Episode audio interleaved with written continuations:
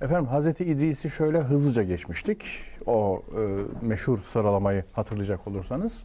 Fakat bunu da izah etmiştik. Gerekçelerini ortaya koymuştuk. Demiştik ki e, Hazreti Adem'le efendim İdris ya da Nuh'la İdris arasında başkaca pek çok peygamberin olabileceğini Kur'an bize söylüyor, ifade ediyor demiştik. Dolayısıyla illa o sıralamayı olduğu gibi takip etmek ondan sonra durumunda değiliz. Kaldı ki Hz. İdris'le ilgili efendim kısacık ayetler olduğu için efendim orayı biraz böyle tay etmeyi, geçmeyi e, münasip gördük.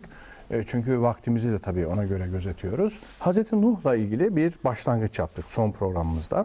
Özellikle Hz.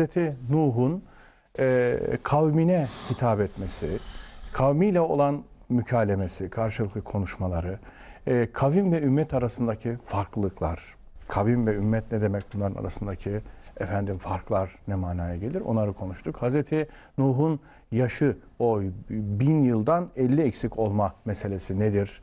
Sene e, kavramını nasıl ele alacağız gibi efendim analizler yaptık, e, sunumlarda bulunduk. Şimdi Nuh suresini de birazcık e, gündeme almıştık, başlangıç yapmıştık. Oradan kaldığımız yerden Hazreti Nuh'u ve kıssasını bütün yönleriyle ele almaya devam edeceğiz. Hocam hoş geldiniz, sefalar getirdiniz. Teşekkür ederim. Allah razı olsun. Sağ Allah olun. iyilik versin, Allah sıhhat, afiyet versin. Amin ecmaîn. Sevgili hocam, e, Hazreti Nuh'a başlangıç yapmıştık söylediğim gibi. Bismillahirrahmanirrahim.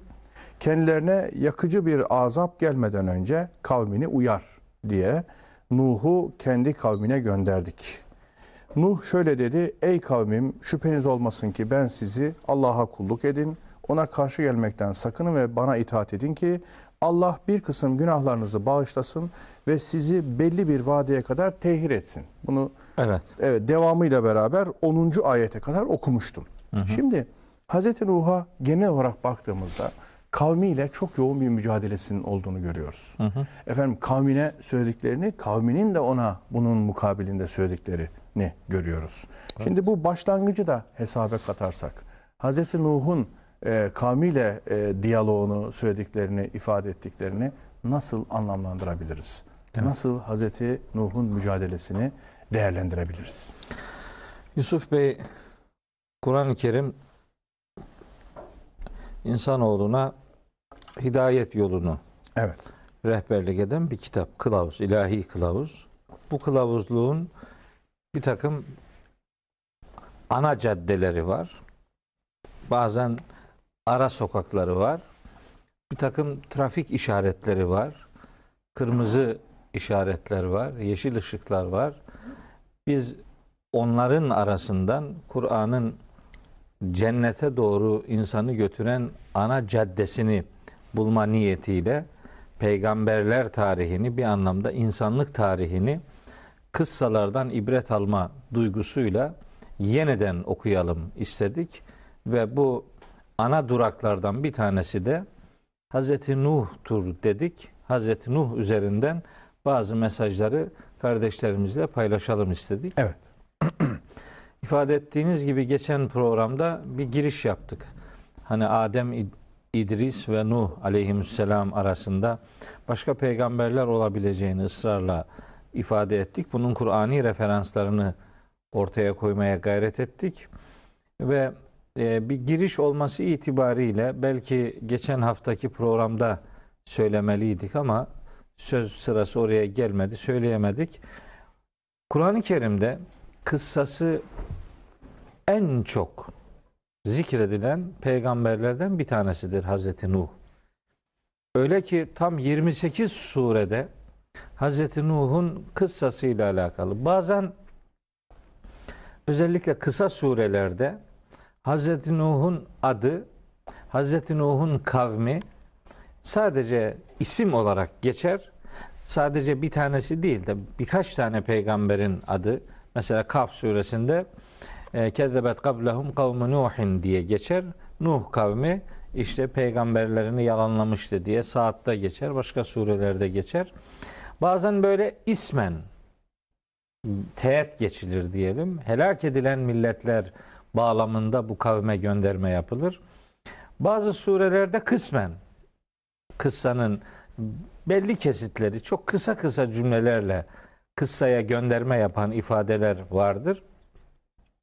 Ama özellikle mesela Araf suresinde, özellikle Hud suresinde, Müminun suresinde, Şuara suresinde ve müstakillen sizin mealini baştan ifade ettiğiniz bütün sure olarak Nuh suresinde tabi kısmen gene Hakka suresinde Kamer suresinde Hazreti Nuh'un kıssası biraz detay denebilecek şekilde ele alınıyor ve bize sunuluyor. Ben tabi sorunuzu doğrudan cevaplayacağım. Ee, ama ona bir altyapı olsun Lütfen. e, duygusuyla ifade etmek isterim ki bu kadar kendisine gönderme yapılan bir peygamber 28 surede ve e, yüzü aşkın ayette kendisine bu anlamda gönderme yapılan bir peygambere Kur'an böyle spot cümlelerle nasıl sesleniyor? Yani Hazreti Nuh denince Kur'an bize hangi sıfatları e, öğretiyor? Bir ona bakalım. Çünkü peygamberlere nispet edilen peygamberlik sıfatı hariç diğer bütün sıfatlar ümmetleri için örnek olsun diye zikredilirler. Yoksa laf olsun diye sıralamanın bir alemi yok. Dolayısıyla bir peygamber nasıl hangi özellikleriyle anlatılıyor? Ee, onun tebliğinden kaynaklanan ayırıcı özellikleri nelerdir? Bunlar üzerinden gidersek kavmine onun neler söylediğini de kavminin ona cevap olarak nelerle karşı çıktığını da bu, bu diyalogların akıbetinin ne olduğunu da o zaman daha iyi temellendirmiş olacağız. Şimdi bu 28 surenin içerisinde mesela Ali İmran suresi 33. ayette Yüce Allah bazı insanları seçtiğini söylüyor. Buyuruyor ki Estağfirullah İnna Allah astafa Adem'e ve Nuhan ve ale İbrahim'e ve ale İmran'e alel alemin. Allah Adem'i, Nuh'u, İbrahim'in ailesini ve İmran'ın ailesini seçmiştir. Demek ki Hazreti Nuh seçkin insanlardan biridir.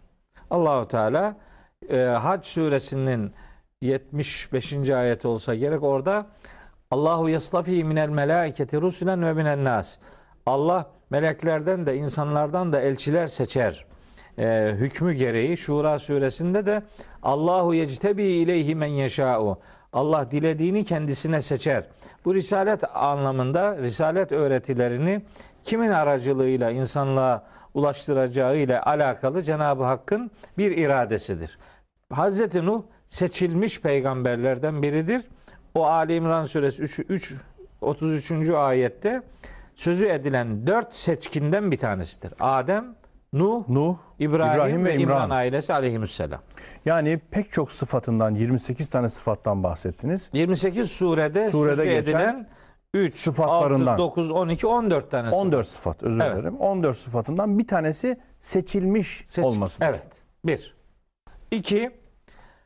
Hazreti Nuh kendisinden söz al- alınan ve Kur'an'da ulul azm diye tanımlanan beş tane peygamber var. Bu beş peygamberden biri olarak bilinir. Bu ulul azm ifadesi Ahkaf suresinin son ayetinde geçer. Fasbir kema sabara ulul azmi miner rusul. Peygamberlerden azim sahibi olanlar gibi sen de kararlı ol, sebatkar ol anlamında bir ifade orada geçer. Bu ulul azm peygamberlerin hangileri olduğu ise Ahzab suresinin 7. ayetinde e, sıralanır. O ayeti aktarayım kardeşlerime. Estağfirullah. Ve idahazna minen nebiyyine misakahum. Allah nebilerin hepsinden sözlerini aldı, söz aldı yani. Ve minke ve min Nuhin ve İbrahim'e ve Musa ve İsa ibn Meryem. İşte senden de, Nuh'tan da, İbrahim'den de, Musa'dan da, İsa'dan da. Allah söz aldı. Söz aldı. Ve ahazna minhum misakan galiza.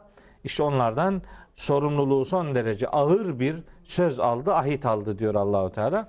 Bu ayetten hareketle, her iki ayetten hareketle Hazreti Nuh'un ulul azm peygamberlerden olduğunu rahatlıkla söylemek durumundayız.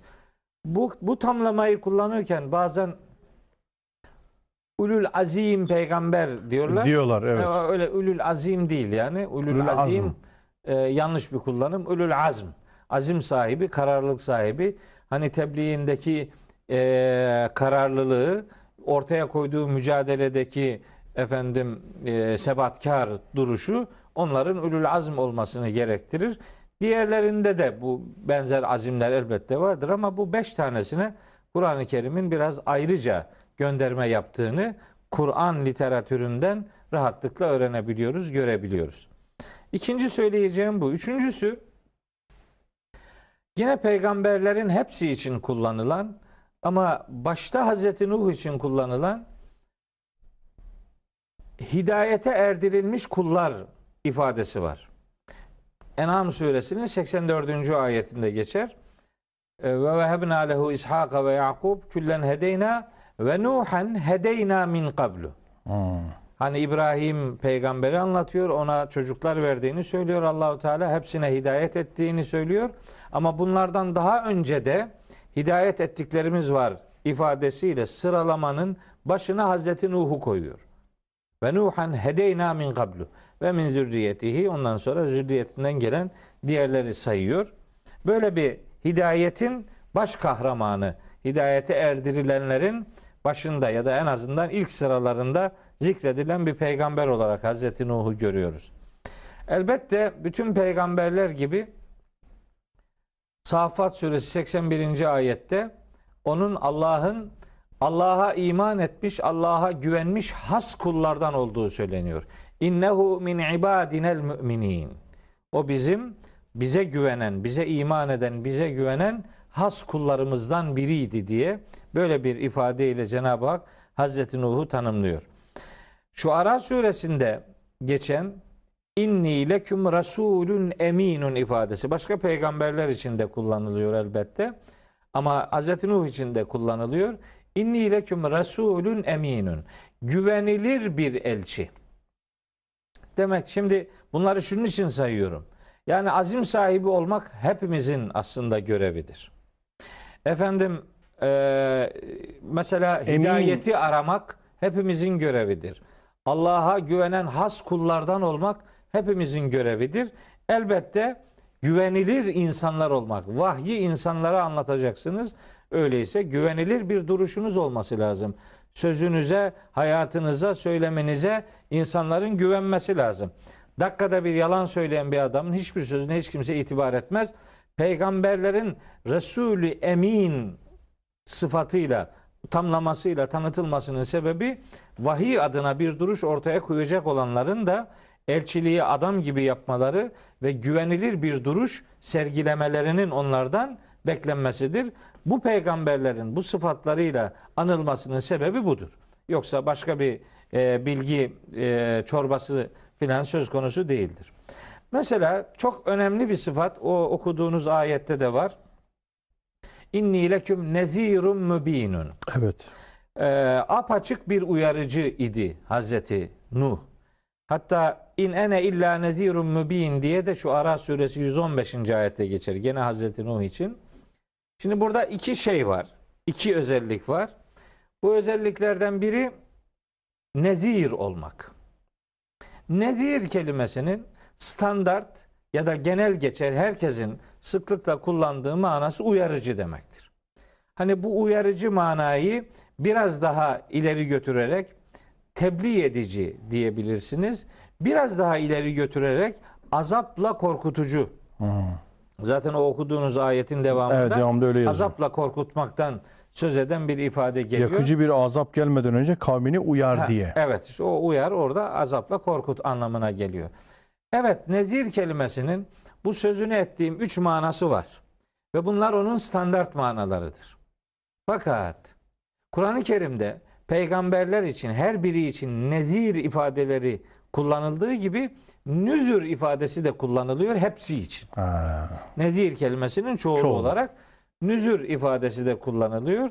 Bu üç manayı verdiği gibi nedere kelimesinin kökünden kaynaklanan kelimenin üç harfli kökünden kaynaklanan başka bir anlamı daha vardır ki bence asıl görülmesi gereken mana odur. Ya da en azından bu kelimeyi anlatırken mutlaka gönderme yapılması gereken kelimenin boyutu, mana boyutunun bu olduğunu düşünüyorum. O da nezretmek, adamak demektir. Evet. Nezirun mübin demek, nezir kendisini davasına adayan adam demektir. Kendisini davasına adayan adamamışsa biri, o ne uyarabilir, ne tebliğ edebilir, ne tehdit edebilir, ne vesaire hiçbir şey yapamaz. Bunun için ben peygamberlik kurumu bir adanmışlık kurumudur diyorum. Evet.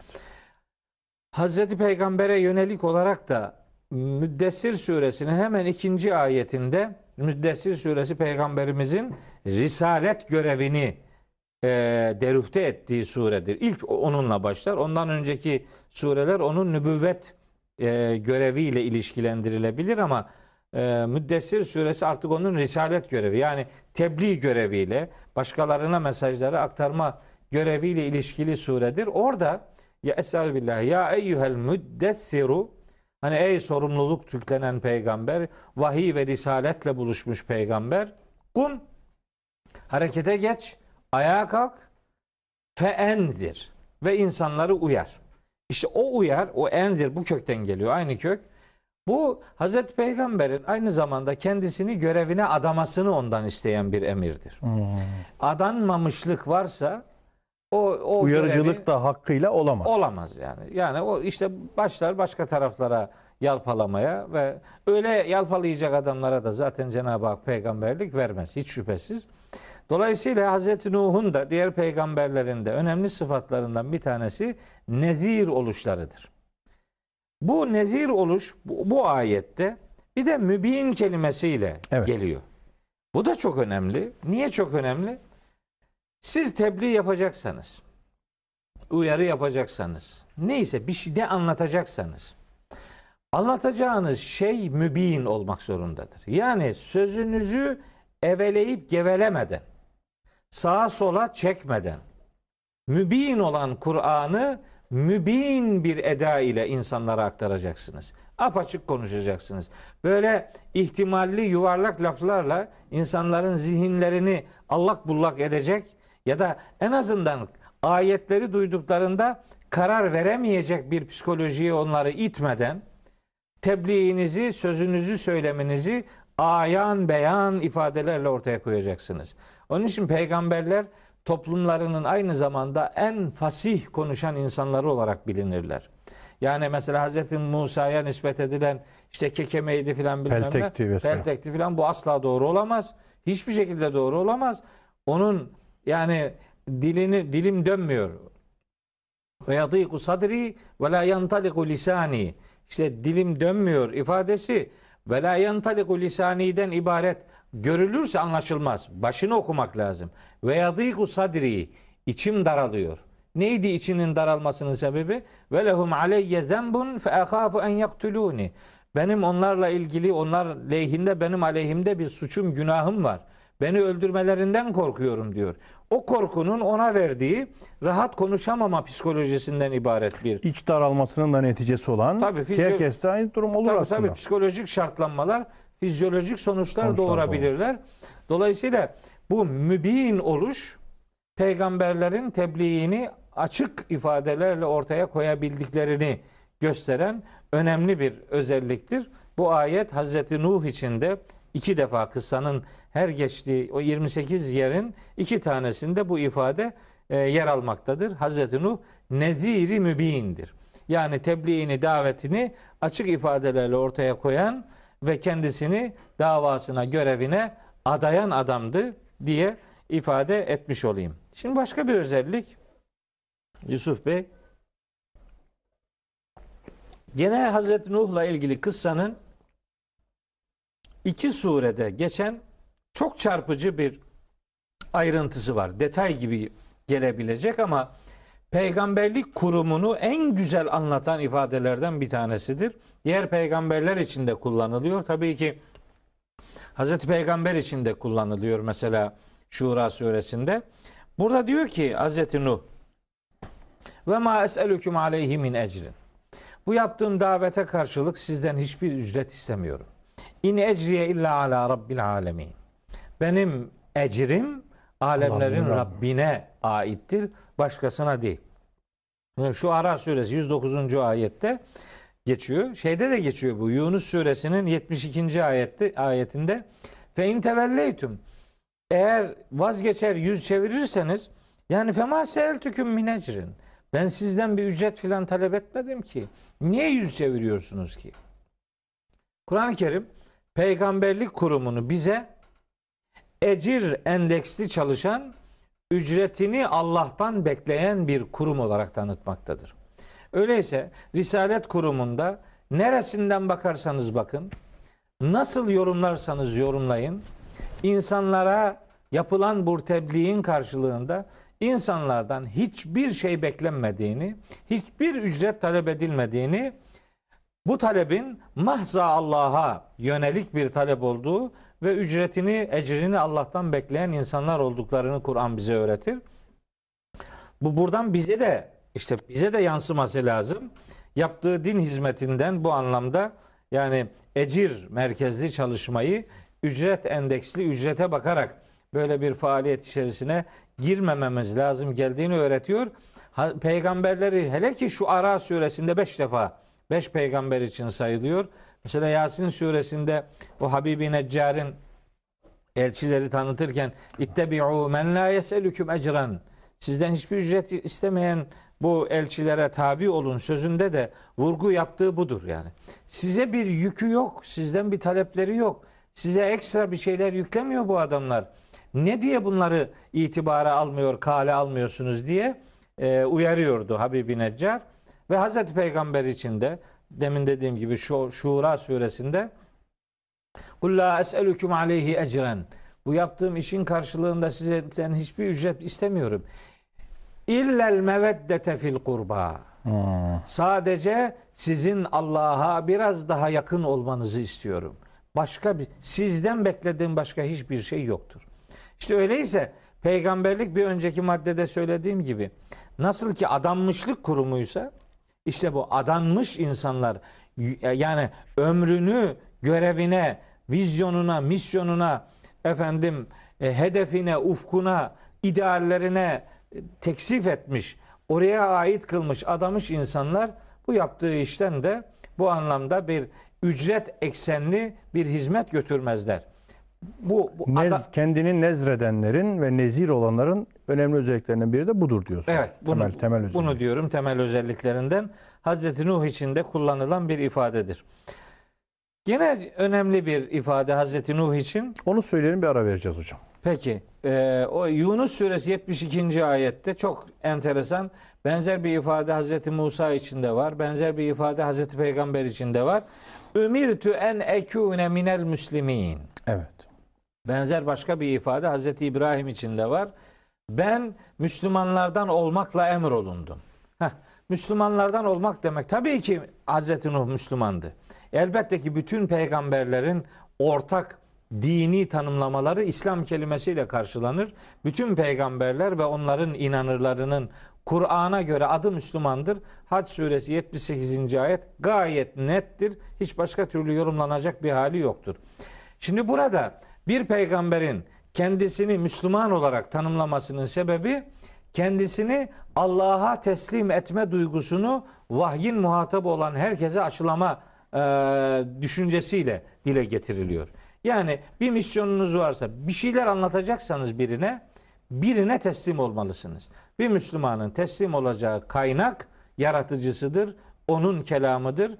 Örnek de onun örnek olarak sunduğu Hz. Muhammed sallallahu aleyhi ve sellem'dir. Teslim olmadan, İbrahimi bir teslimiyet ortaya koymadan ve kendini Allah'ın rızasına adamayan, ömrünü Allah'a adamayan, hatta hizmet kalemlerini Allah'a borç vermeyen insanlar öbür alemin mahcupları arasında yer alacaklardır. Burada adam olmak, burada dik durmak, burada istikametini doğru belirlemek için kimden yana olduğunu, kime teslim olduğunu ve hayatını, değerlerini kimin uğruna adadığını iyi bilecek. Ondan sonra ruzi mahşerin aziz misafirleri, aziz konuklar arasına gireceklerdir. Hazreti Nuh örnekliğinde diğer peygamberler için de anlatılan bu özelliklerin bu ümmete vermek istediği mesajların ve buraya kadar anlattıklarımın bunlar olduğunu ifade edeyim. Peygamberler tarihi, peygamber kıssaları, peygamberlerin çeşitli özelliklerini tanıtmakla e, bizim önümüzde duruyor. Aynı zamanda bize örneklik teşkil etmekte. Evet, Yani yani- siz de bu hallerle hallenin diye. İşin Evet. peygamberlik kısmı hariç kalan kısımlar ümmet içinde Tabii. bir hedeftir, bir örnektir. Onu elde edecek bir e, duyarlılığa ulaşmak. Yani peygamberlerin Arzusunda. ahlakıyla ahlaklanın diye. Gibi. Yani böyle uyarlayabiliriz aslında. Evet, bir tür ahlak öyle. te- terbiye dersi veriliyor diyebiliriz. Hı hı, Evet. diyebiliriz. Yani bunlar e, ufuk noktalardır. Bu ufuk noktaları biz de hayatımıza transfer edelim diye bu kıssalardaki peygamber özelliklerini kıssamızın konusu Hazreti Nuh olduğu için Hazreti Nuh'la ilişkilendirilenlerini Evet. aktarmaya gayret ediyoruz. Kaldığımız e, nokta Yunus suresindeki bir hatırlatmayla devam edeceğimiz nokta olsun. O da surenin 71. ayetinde Hazreti Nuh kendisini sadece Allah'a güvenen kişi olarak tanımlıyor. Vetlu aleyhim nebe Nuh öyle başlıyor ayet-i Hı hı, kerime. hı. İz gâle li kavmihi ya kavmi in kâne kebura aleyküm mekâmi ve tezkîri bi âyâtillâhi yani size bu anlattığım hakikatler ağır geliyorsa fealallahi tevekkeltu. Ben sadece Allah'a, Allah'a tevekkül, tevekkül ettim. ettim. Yani, mütevekkil oluşu. Evet, mütevekkil oluşu. Ve ecmi'u emreküm ve şurekâküm. Şimdi, şimdi bütün işlerinizi, ortaklarınızı toplayın. Hiç bana ne yapacaksanız yapın, hiç mühlet de vermeyin diye böyle bir meydan okuması var Hazreti Nuh'un. Ama güveneceğim yer sadece Allah'tır diyor. Şimdi Kur'an-ı Kerim'de bu tevekkülle alakalı tabi sadece peygamberlerin Allah'a tevekkülünden söz etmiyor. Eyvallah. Özellikle İbrahim suresinde surenin 11 ve 12. ayetlerinde iki defa şu ifade yer alıyor. Hem de e, peygamberlerin bir bölümünün bir bölümünün adının geçtiği ve kavimlerinin onlara yönelik olumsuz tavırlarının nasıl şekillendiğini anlatıyor. 9, 10 ve 11. ayetlerde şu 11. ayetin sonunda buyuruyor ki Yüce Allah ve alallahi felyetevekkelil müminun. Müminler bir şeye güvenmek durumunda olan insanlar sadece Allah'a tevekkül etsinler, sadece Allah'a güvensinler. 12. ayette de Yine peygamberlerin sözü geliyor. Ve ma ve ma lena ella netevekkele alallahi. Bize ne oluyor da Allah'a tevekkül etmeyecekmişiz ki? Yani bizim güveneceğimiz güven kaynağımız bir tanedir. Orası da Allahu Teala'nın makamıdır, huzurudur. Ve kad hedana subulena. O bütün hakikat yollarını bize göstermiş iken Hidayet yollarını göstermiş iken niye başka Allah'a tevekkül etmeyecekmişiz? Ve lenasbirenne ala ma azeytumuna. Kavimlerine söylüyorlar. Diyorlar ki bize yaptığınız bütün eziyetlerin karşılığında biz davamızda sebatkar olacağız, dik duracağız, ısrarcı olacağız. Onların bu sözünün bitiminde ayetin son cümlesi olarak ve alallahi felyetevekkelil mütevekkilun. Öyleyse mütevekkil olan yani birine güvenecek olan bir güven ihtiyacı içerisinde olan herkes sadece ve sadece Allah'a güvensin. Te- mütevekkil aynı zamanda vekil tayin eden değil mi kelime anlamı itibariyle? Evet. Yani vekaletini Allah'a vermiş. Aynen öyle. Allah'ı vekil tayin etmiş kendi yerine. Aynen öyle ve kefa billahi vekil Vekila. ayetleri var. Vekil olarak Allah yeter. Evet. Şimdi biz vekaleti başka adamlara veriyoruz. İşte bu işte karma karışık oldu. Allah'ın kendine kendine ait kıldığı peygamberimize bile emrettiği bir ayetinde buyuruyor ki ve tevekkel alel hayyillezî la yemutu. Hiç ölmeyecek olan, daima hayatta olan varlığa yani Allah'a tevekkül et. Peygamberimizin de güven kaynağı Allah'tır. Hatta mesela başka ayetlerde buyurur ki ve ma ente aleyhim bir vekil. Sen hiçbir şekilde onların vekili değilsin. Ya. Peygamberin vekil olmadığı, olamadığı ya da ona bu yetkinin verilmediği bir alemin yaşayış, yaşantısını takip eden insanlar olarak birbirimize böyle bir vekalet kültürü devam edip gidiyor. Yani yani Kur'ani sunumların, Kur'ani hakikatlerin, peygamberi duruşun e, kendi hayatımıza da indirgenmesi, buraya da getirilmesi noktasında Kur'an'a ne kadar muhtaç olduğumuz şu kavramları konuşurken bile açık açık gün yüzüne çıkıyor işte.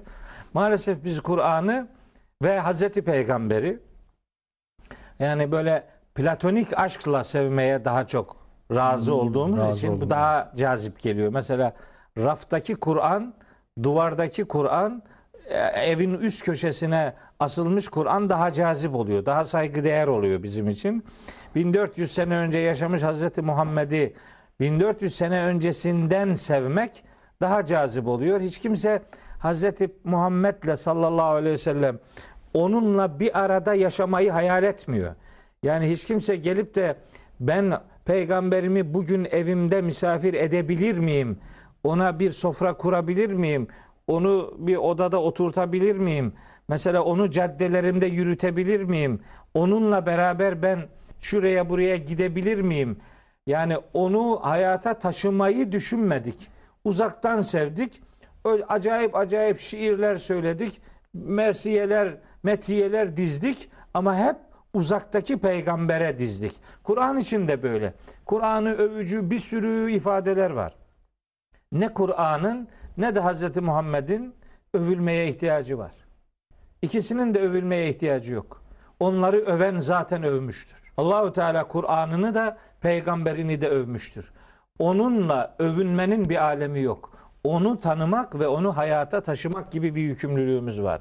Sadece Hazreti Peygamberi değil işte bütün peygamberlerin kıssaları hayatımızın rotasını kazandırsın diye Kur'an-ı Kerim'de bizim önümüze konuluyor ve çeşitli sıfatları peygamberlerin anılıyor ki biz de o sıfatlarla sıfatlanalım diye. Temel sıfatlardan biri de vekaleti sadece Allah'a veriyor olmalarıdır. La yamut değilse bir kişi hakiki vekaleti hak etmez. Evet, Vekil oluşu hak etmez diyoruz. aynen öyle. Değil mi? Ö- ölümlü varlığa neyin vekaletini vereceksiniz? Ölünce gidiyor işte. Yani yani. mütevekkil, tevekkül bu anlamda çok iyi anlaşılmalı. Evet. Hayatımızdaki sahte vekaletler, vekiller iyi anlaşılmalı diyorsunuz. Diyorum, evet. Peygamberlerin sayfasından bakarak. Evet. Hazreti Nuh'un da ve alallahi tevekkeltü. Bir de Yusuf Bey bu alallahi tevekkeltü ifadesi bu okuduğum İbrahim suresi 11-12'de de öyle. Yunus 71'de de öyle. Bu alallahi ifadesi tevekkül kelimelerinden önce geliyor. Hı hı. Aslında normalde gramer kuralları gereği o alallahinin cümlenin sonunda gelmesi lazım. Yani fiil, fail, mef'ul sıralamasında bu mef'uldür. Evet. O sonra olması Sonra lazım. olması lazım. Tabii. Bunun öne alınması bir anlam kazandırmak içindir ki ona biz Arapçada hasır kasır deriz. Evet. Yani manayı güçlendirmek, vurgulu hale getirmektir. Sadece Allah'a güvenirim demektir. Başkasına, başkasına güvenmiyorum demektir. Evet. Zaten bir ayet daha hatırlatayım tevekkülle alakalı. Çok muhteşem bir Buyurunuz, ayet. buyurun. Talak suresinin ikinci ve üçüncü ayetleri. Orada buyuruyor ki Rabbimiz Estağfirullah tevekkülü takva ile ilişkilendirerek buyuruyor ki "Ee, ve men yettekillâhe kim Allah'a karşı takvasını takınırsa, sorumluluğunu bilir, duyarlı davranırsa yec'al lehu mahrecen. Allah onun için mutlak surette bir çıkış yolu yaratır. Nerede bir darlığı varsa Allah o darlığı giderir. Allah'a inanmak, Allah'a güvenmektir aynı zamanda. Güvendiğiniz Allah sizi dar zamanınızda rahatlığa çıkartır. Mehrecen kelimesinin nekire gelmesinin sebebi de nice nice çıkış yolları size bahşeder demektir. Mesela örnek veriyor. Ne yapar mesela? Üçüncü ayet Talak suresinin ve yerzukuhu min haysu la yahtesib. Hiç hesap edemeyeceği yerden kişiyi rızıklandırır mesela. Hiç beklemediği yerden. Bunu pek çok defalar yaşamışızdır yani. Hiç hesap etmediğin, ummadığın yerden bir şey çıkar gelir. Ve ondan sonra buyuruyor ki ve men yetevekkel alallahi fehuve hasbuh. Kim Allah'a tevekkül ederse Allah ona yeter. Ya. Başka bir ayette buyuruyor ki Eleysallahu bikafin abde. Allah kuluna, Kuluna yetmedi yetmiyor. mi ki? İşte tevekkül Allah'ın kuluna yettiğini idrak etmektir. Zümer suresinin 20 e, 36. ayetiydi bu. Eleysallahu bikafin abde. Ve men yetevekkel alallahi fehuve hasbuh. Allah'a kim güvenir tevekkül ederse Allah ona yeter. İnna Allaha baligu emri. Çünkü işini hakkıyla yerine getirebilen yegane varlık Allah'tır. Ve men yettekillâhe innallah kad cealallahu li kulli şeyin kadra. Allah her şey için bir miktar, bir ölçü, bir kanun, bir kural koymuş. Tevekkülün tevekkül tabi yani önlemini almadan herhangi bir e, rastgeleliğe işi terk etmek demek değildir. Tembelcesine bir tevekkül Değil. değildir. Yani kas- Tedbirsizcesine bir tevekkül değil. değil. elbette. E, Yani bir şeye bağlanmak, gereğini yerine getirip doğru bir mesnedi kendine dayanak etmektir. Ve Allahu Teala vekilin o olduğunu söylüyor. Yeterli olan dayanağın o olduğunu söylüyor. İşte peygamberi duruş sadece Allah'a güvenmeyi kendilerine de ümmetlerine de aşılayan duruştur. Bu vesileyle Hazreti Sıfatlardan da- biri de budur. Tevekküldür, evet. Tevekküldür. Evet. Diğerleri hocam. Bir başkası Hazreti Nuh ve bütün peygamberler bir bereketle buluşturulmuş insanlardır. Yani onların hayatında görevlerini tam yapan insanlar oldukları için Cenab-ı Hak özelde Hazreti Nuh için söylüyor ama genelde bütün peygamberler için de bu vardır. Yani bir zaruratın içerisinde, bir sıkıntının içerisine terk edilmiş duygusuyla baş başa bırakılmayan imkanlar kendi önlerine bir anlamda serilen o fedakarlığın karşılığında sahipsiz bırakılmayan bir e, nitelikle tanıtılıyorlar. Şeyde e, Hud suresinde hani Hazreti Nuh gemi yapıyor işte gemi sel felaket oluyor, tufan oluyor. Ondan sonra bir yerde duruyor. Kıyle ona deniyor ki Hazreti Nuh'a ya Nuhu ihbit bi selamin minna ve berekatin aleyke ve ala ümemin min men ma'ake. Çık. Evet in gemiden in. İhbit hebata bir yerden Evet, inmek hubut, demektir. evet, evet. Hani onu gökten yere inmek gibi algılıyorlar. Bu doğru değil. İşte Evet. gemiden karaya çıkmaya da hebata kelimesi Adem kıssasında da konuşmuştuk. Konuşmuştuk evet. Evet. İşte bir esenlik, bir güvenlik duygusuyla ve Allah'ın senin önüne açacağı pek çok bereket kapılarıyla artık gemiden İn. karaya in diyor. Sana ve seninle beraber iman etmiş olanlara bu bereket yaygınlaştırılacaktır diyor. İnşallah bir sonraki programda Nuh suresini okurken orada da bu bereketin nasıl çeşitlendirildiğini Nuh suresinde böyle pek çok madde madde ayet ayet sayacağız. O kısmı oraya bırakayım. Yani bir bereket timsali insanlardır peygamberler. Görevlerini doğru yapıp kendilerini görevlerine adayan insanlar oldukları için Cenab-ı Hak onlara imkanlar bahşedeceğini söylüyor. Zaten bahşettiğini de Mekke'de sıkıntı çeken Hz. Muhammed'in sallallahu aleyhi ve sellem Medine'de nasıl bir huzurlu bir devlete kavuşup dini esasları Yesrib'i Medine'ye dönüştürecek o muhteşem prensiplerle Medine'yi adeta yeryüzünün cenneti haline getirebilecek durma anlamında, huzur anlamında, hukuk anlamında orayı nasıl dizayn ettiğini, vahyin nasıl dönüştürücü etkinliğini ortaya koyduğunu Medine döneminde biliyoruz. Ona sunulan imkanlar önceki peygamberlere de ve onların içerisinde elbette Hazreti Nuh'a da sunulmuştur. Bu bereket timsali olmak, bereketlerle buluşturulmuş olmak Hazreti Nuh örnekliğinde onun önemli özelliklerinden bir tanesidir. Hud suresinin işte kaçıncı ayeti idi bu? 48. ayeti. 8. Evet. Sonra Hazreti Nuh'un ve elbette diğer bütün peygamberlerin muhsin insanlardan olduğunu söylüyor Allahu Teala. Muhsin. İn, evet. İşte mesela Hazreti Nuh'u ve onunla birlikte iman etmiş olanları Rabbimiz gemiyle kurtarıyor. İşte tufandan bo- bo- boğulmuyorlar. Onların kurtarılmasının anlatıldığı pasajların bir tanesinin sonunda şeyde e, Saffat suresi 80. 80. ayette İnna kezalike necizil muhsinin. İşte muhsin olanların karşılığını biz böyle veririz.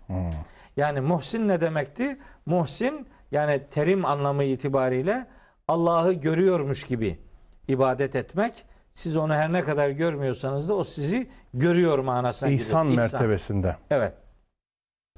Ama aslında ihsan ya da muhsin kelime anlamı itibariyle de işini düzgün yapan adam da Hüsn. demektir. Evet. Hasene kökünden gelen böyle bir anlamı da var. Belli ki Hazreti Nuh kendisine Cenab-ı Hakk'ı yönelttiği e, emirler her ne idiyse her birini kemali dikkatle takip etmiş. Bir istisnası var. Onu gemiyi anlatırken söyleyeceğiz. Bir istisnası var. Orada bir babalık şefkatiyle sanıyorum. Bir e, bir bir emri arzu edilen düzeyde yerine getiremediği anlaşılıyor e, Hud suresinde. ilgili ayetleri okuyacağız. Niye böyle oldu, nasıl olduğu. Hz. Nuh'u bu anlamda en iyi insanlardan birinin ben olduğumu e, itiraf etmeliyim. Çünkü gözünün önünde oğlu boğuldu. Ve Cenab-ı Hakk'a Ya Rabbi ehlimi kurtaracağını söz vermiştin. Ama oğlum benim ehlimdendir. İşte boğuldu. Senin hükmün elbette geçerlidir. Hani ama, ama ne oldu yani? Çocuk boğuldu demeye getiriyor. Peygamber bile olsa insa- insanın evlat acısı öyle çok tarif kaldırmaz.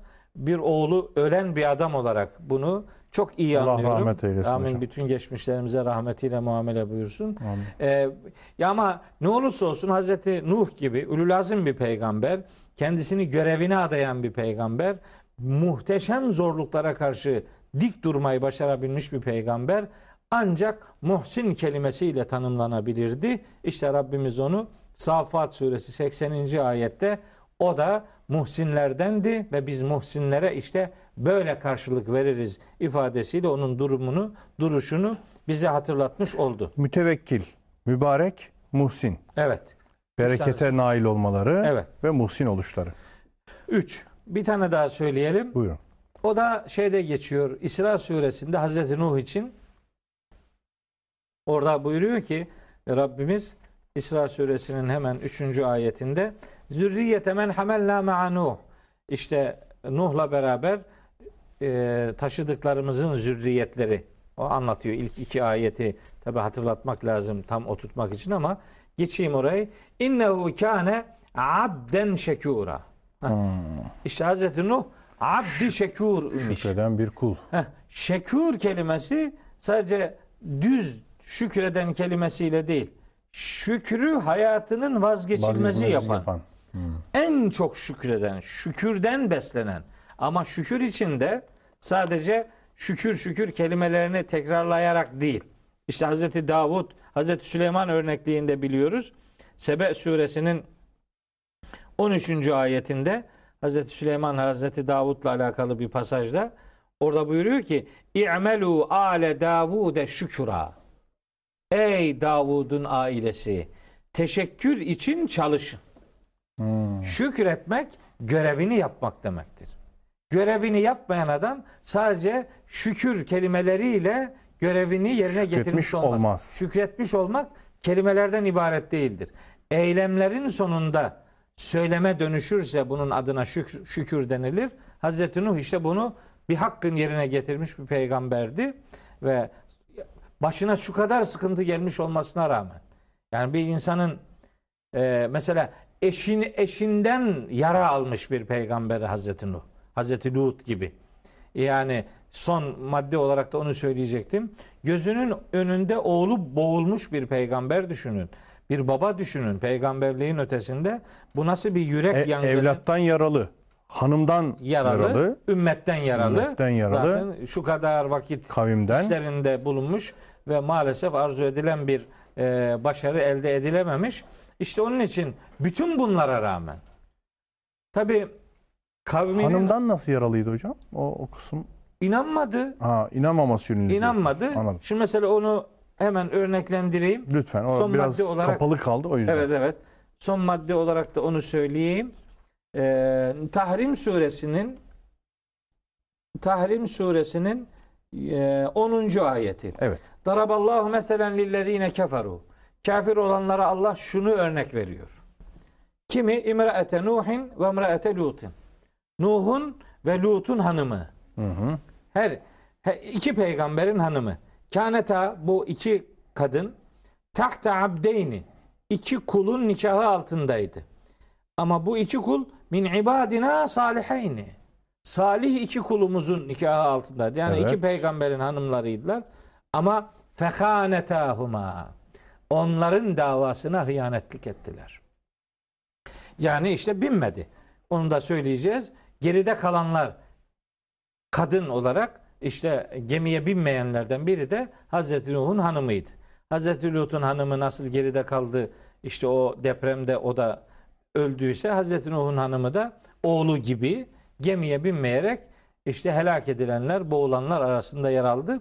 Bu ayette yani Tahrim suresi 10. ayette sadece onların davaya ihanetinden söz edilmiyor. Başka bir şeye daha çok önemli dikkat çekiyor. Nedir hocam? Hıyanete uğramış bir peygamberdir Hazreti Nuh diyorum ben. Oğlu, hanımı, Hanımı. ve kavmi tarafından hıyanete uğramış bir peygamber Hazreti Nuh. Rabbimiz bu hıyaneti Hazreti Lut'un hanımıyla ikisini yan yana zikrederek bize hatırlatıyor ama bir şeye çok önemli vurgu yapıyor. Diyor ki, buyuruyor ki Rabbimiz felem yughniya anhuma minallahi şey'en.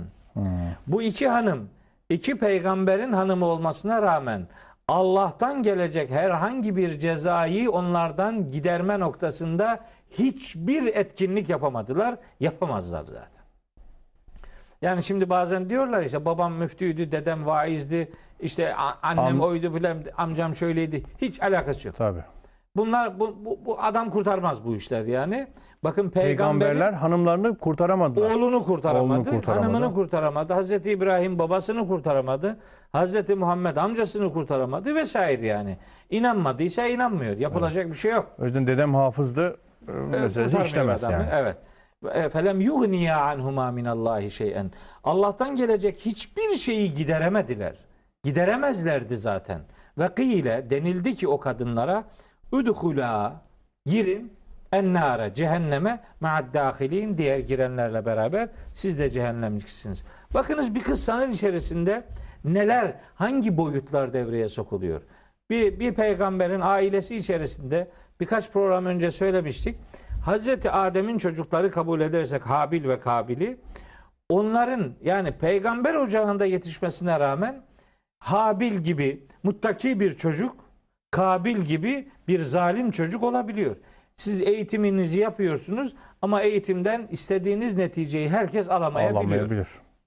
İşte burada da peygamber ocağı bile olsa bazen bir muhatap istemiyorsa, ısrarla karşı veriyorsa işte ona karşı yapacağınız başka da bir şey kalmıyor. Hanımınız ve çocuğunuz bile Bir- olsa. Evet onun için mesela ayetlerde diyor ki e, innema emvalüküm in, e, ya eyyühellezine amenu inne min ezvacikum ve evladiküm aduven leküm diyor. Ya. Eşlerinizden ve çocuklarınızdan e, Tehabun suresi 14. ayette aduven leküm yani düşman olabilir. E, Siz görevinizi yaparsınız. Sizin göreviniz onlara hakikati tebliğ etmek, sözünüzle, söylemenizle ve uygulamanızla örnek olmaktır. Buna rağmen istediğiniz neticeyi her zaman alamayabilirsiniz. Hazreti Nuh'un oğlu ve hanımı, Hazreti Lut'un hanımı, Hazreti İbrahim'in babası e, bu noktada çok net örnekler arasında yer alıyor.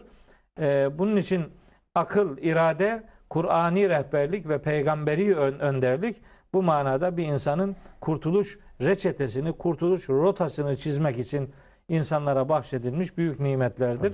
Hazreti Nuh örnekliğinde sözünü ettiğim bu 14 maddelik özellik bu ümmetin peygamberlik hariç geri kalanları ümmetin örnek alması lazım gelen özelliklerdir diye söyleyeyim. Çok teşekkür ediyorum. 28 surede bu 14 sıfatın zikredilmiş olması, Hz. Nuh'un bu vasıflarının bize öğretilmiş olması bence fevkalade önemli. Evet. Bizimle paylaştınız. Ben de çok teşekkür ediyorum. Teşekkürler. İnşallah diğer programlarımızda e, birçok bahsi tekrar tekrar ele alacağız, İnşallah. derinleştireceğiz. İnşallah. Sağ olun hocam.